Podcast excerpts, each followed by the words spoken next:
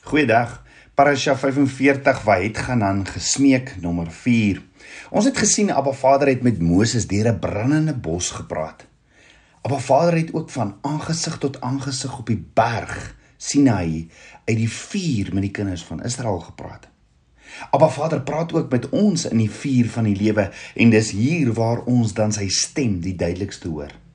Dit is in die vuur en in die gloeiende kole waar al jou drome en jou wee, jou eie wee verbrand, maar hy die naaste aan jou is en Abba Vader dan aan jou aan, aan jou bekend maak sy wee.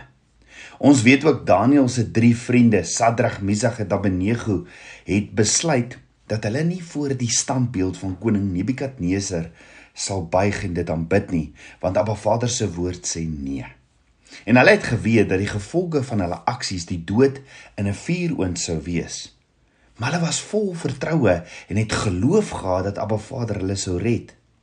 So in Daniël 3 vers 19 tot 27 lees ons: Toe het Nebukadneser baie woedend geword en sy gelaatstrek het verander teenoor Sadrag, Mesach en Abednego as antwoord het hy bevel gegee om die oond 7 maal warmer te maak as wat eintlik nodig was.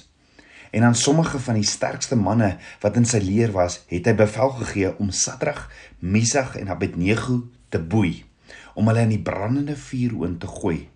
Toe is daardie manne geboei met hulle mantels, hulle broeke en hulle tulbande en hulle ander klere aan en hulle is binne in die brandende vuuroond gegooi.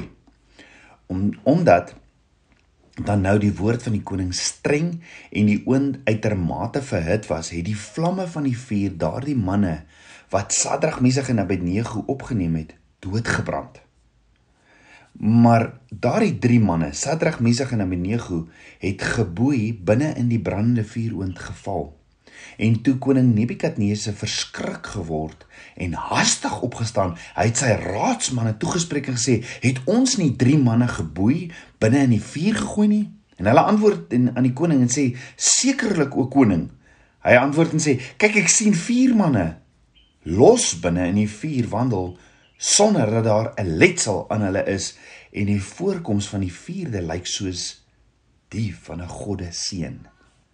Toe het Nebukadneser nader gekom na die opening van die brandende vuuroond en daarop gesê: "Sadrag, Mesach en Abednego, knegte van die Allerhoogste God, gaan uit en kom hier."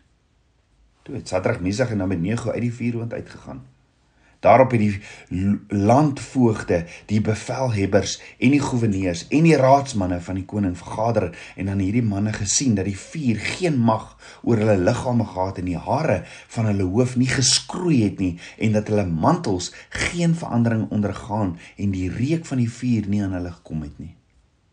Ja, amazing. So die eerste ding wat Abba Vader ons hier leer is dat dit on onbeheerlik is om te glo dat Abba Vader in staat is om jou te verlos en om jou aan die ander kant van die vuuroond uit te bring waardeur jy dalk vandag gaan.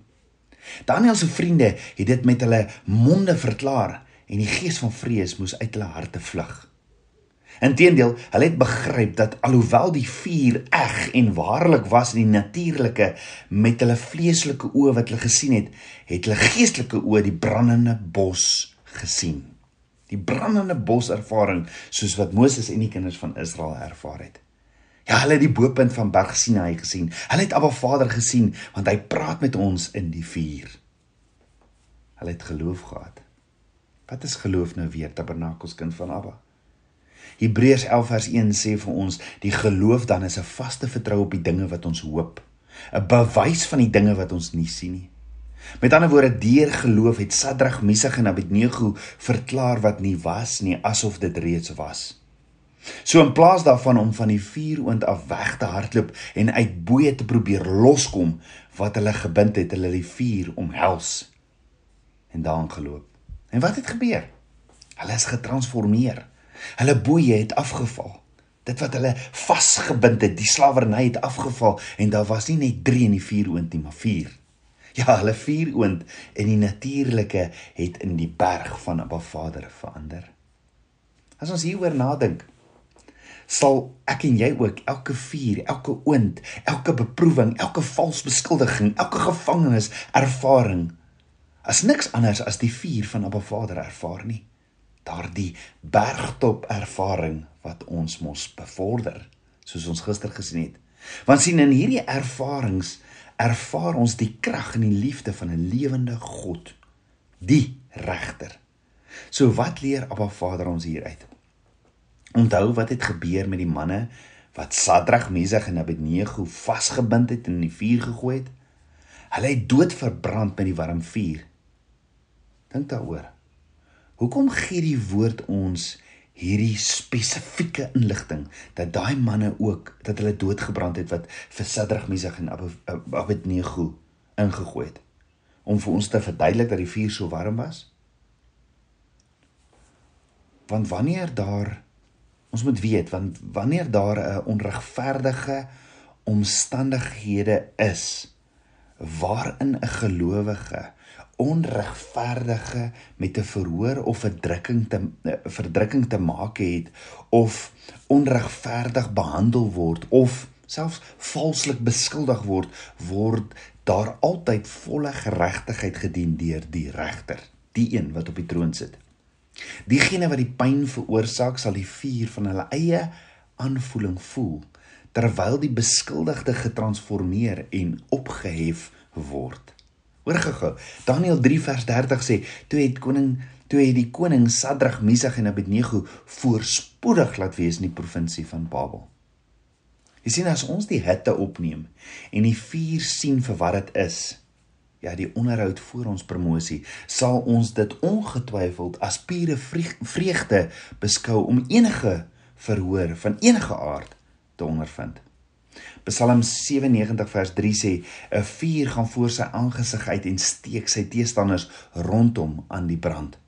Met ander woorde, alhoewel die vlamme van Abba Vader die gelowige wat op hom vertrou nie seer maak nie, bring dieselfde vlamme wat transformasie en bevordering bring ook vir sy vyande oordeel. So dink daaroor, wat gebeur met 'n persoon as die vuurige beproewing daar is weens hulle eie sondes? Of wat as jy nie weet of seker is of die vuur daar is weens die persoon dit oor homself gebring het en of dit deur Abba Vader gestuur is nie? En dis 'n goeie vraag nê, maar ook 'n gevaarlike vraag.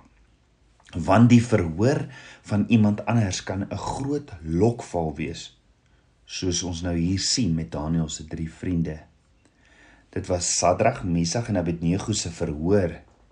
Dit was dit was hulle wat moes doodgaan in die vuur oond omdat hulle nie wou buig vir die afgodsdiens nie. Maar diegene wat hulle geoordeel en gebind het, was eintlik diegene wat geoordeel is met die vuur. Hoor gou wat sê Yeshua Matteus 7 vers 1 tot 5. Moenie oordeel nie sodat julle nie geoordeel word nie want met die oordeel waarmee julle oordeel sal julle geoordeel word en met die maat waarmee jy meet sal weer vir julle gemeet word. En waarom sien jy die splinter in die oog van jou broeder, maar die balk in jou eie oog merk jy nie op nie? Of hoe sal jy vir jou broeder sê, "Laat my toe om die splinter uit jou oog uit te haal en kyk in jou eie oog is die balk." Gefeinste, haal eers die balk uit jou oog uit en dan sal jy goed sien om die splinter uit die oog van jou broeder te haal. En ons almal ken hierdie gedeelte baie goed, die woorde van Yeshua. En die meeste mense interpreteer dit dat ons nie veronderstel is om te oordeel nie. Maar dit is nie heeltemal wat Yeshua sê nie. Nee, Yeshua sê dat die beginsel van oordeel eers verstaan moet word. So die beginsel van oordeel nommer 1. Ons moet slegs oordeel met die maatstaf waarop ons geoordeel wil word. As ons verkeerd is in ons oordeel, is dit tog wat gaan gebeur. Beginsel beginsel van oordeel nommer 2. Ons moet seker maak dat ons nie skynheilig is met ons oordeel nie. Yeshua sê in Matteus 7 vers 5: "Haal eers die balk uit jou eie oog uit, dan sal jy goed kan sien om die splinter uit jou broer se oog uit te haal." Beginsel van oordeel nommer 3. Voor ons ons opinie oor enige iemand lewer, moet ons eers in 'n posisie wees. Wat beteken dat ons al die feite moet ken na beide partye geluister het en dat ons die autoriteit gekry het om iets te lewer of om te oordeel. Want 'n oordeel wat uitgespreek word deur iemand wat nie gesag het nie, is dwaas. Want die wat oordeel, waag die risiko om op die presiese selfde manier deur Abba Vader geoordeel te word. En dit dra geen beloning en dis die werke van die dwaas. So hoe pas Yeshua se woorde oor oordeel en dit wat wanneer ons deur die vuur gaan, hoe pas hierdie twee goed bymekaar? Die waarheid is dat dit nie saak maak of iemand deur 'n vuur gaan wat hulle self begin het as gevolg van onbedoelende of opsetlike sonde nie en of dit 'n vuur is wat deur Abba Vader aangesteek is nie want die resultate is in albei voordele in al albei voorbeelde presies dieselfde want of hulle gaan in die vuur vernietig word of hulle sal daardeur getransformeer verhef en bevorder word. Die persoon wat gesondig het het net so 'n kragtige geleentheid om bevorder te word as die een wat nie gesondig het nie want in Romeine 3 vers 23 staan want almal het gesondig en dit ontbreek hulle aan die heerlikheid van God. So elkeen van ons het in ons lewens gesondig en dink daaroor. As almal al jou sondes geken het sou jy jou kop in skaamte gesak het? En as jy sou jou kop in skaamte gesak het sou jy nooit die een wees wat 'n klip optel om teenoor jou broer te gooi en hom te oordeel nie. Daarom mag ons nie oordeel nie. Let wel daar was slegs 4 posisies in hierdie vier oond verhaal van Sadrag, Mesach en Abednego. Daar is Daniël se drie vriende die wagte die engel van Abba Vader in die vuur saam met hulle en die uh, in die vuur en dan koning Nebukadneser se posisie. Let wel koning Nebukadneser se posisie is gereserveer en verteenwoordig Satan, die aanklaer. So as ek en jy dis iemand oordeel, word ons die wagte wat die opdragte van Satan self uitvoer. Of die ander posisie Ons is so Sadrag, Mesach en Abednego wat deur die vuurige verhoor gaan, deur die vuur ontgaan. En in hierdie geval is dit jou geleentheid om bevorder te word. Afhangende van jou geloof en hoe goed jy die situasie hanteer. Dan hoor gou, as ek en jy iemand sien wat deur die vuuroond van die lewe gaan, kan ek en jy Abba Vader se engel, sy instrument wees en by die persoon gaan staan wat in die vuuroond van die lewe is. Jy sien ware broederliefde is om ander te help en saam met hulle te bid om die toets te deurstaan en te slaag. Die punt is daar is geen beloning of voordeel daarin om iemand te oordeel nie. Maar as ons verkeerd is, is die risiko pynlik. Die psalmdigter sê in Psalm 104 vers 1 tot 4: Loof die Here o my siel. Here my God, U is baie groot. Met majesteit en heerlikheid is U beklee, wat U self omhul met die lig soos met 'n kleed, wat die hemel uitspan soos 'n tentdoek, wat sy solders bou in die waters, wat van die wolke sy wa maak, wat op die vleuels van die wind wandel, wat van die winde sy boodskappers maak, wat van vuurvlamme sy dienaars. Met ander ander woorde, diegene wat uit die vuur kom, gelouter soos so silwer en gesuiwer soos goud is waardig om dienaars genoem te word van Abba. Hulle dra die bergtop ervaring, daardie aangesig tot aangesig ontmoeting met Abba saam met hulle oral waar hulle gaan. Dis hoekom Moses mos geskyn het toe hy van die berg af kom. Openbaring 1 vers 14 sê ook dat Yeshua ons Messias sy oë is soos 'n vuurvlam. Al wat hy sien is die teenwoordigheid van sy Abba. Hy sien alles deur die oë van die bergtop ervaring, daardie aangesig tot aangesig ontmoeting. Yeshua is deur die vuur van die kruis en is bevorder tot aan die regterhand van Abba Vader. En almal wat in sy oë kyk, sal ook sal sal of gesuiwer en verlos word of geoordeel word. Die punt is deur die vuur van teespoed word 'n kind van die koning werklik nuut as die vlees heeltemal hierdie eie ek heeltemal verteer word word ons verhef tot ons nuwe priesterlike posisie. So tabernakelskind van Abba moenie bekommerd wees nie.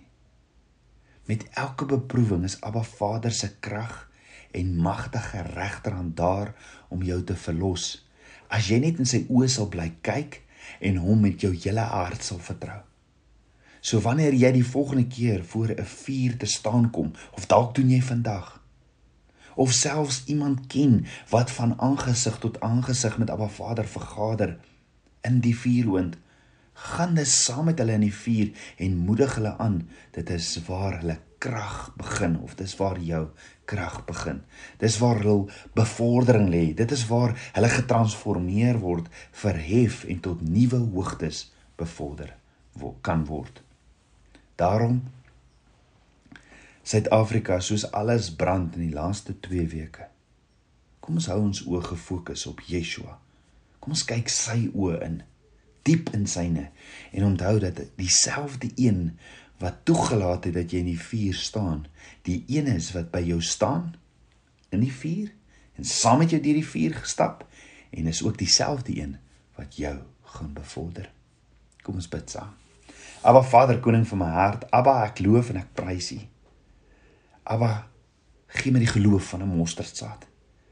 Open these eyes, Vader, open my oë so Sadrag, Mesach en Abednego om die vier oonde van die lewe te sien as bergtop ervarings, aangesig tot aangesig ervarings met U waar U by my is en met my praat. Ek wil net in U oë kyk, Yeshua, my Messias. En U dienaar wees wat by ander ook gaan staan in hulle vier oond oomblikke om U dienaar te wees meer en meer van U, Abba Vader. Ek bid dit alles in Yeshua, Hamasiach se naam, die seun van Jahweh. Amen. Shalom.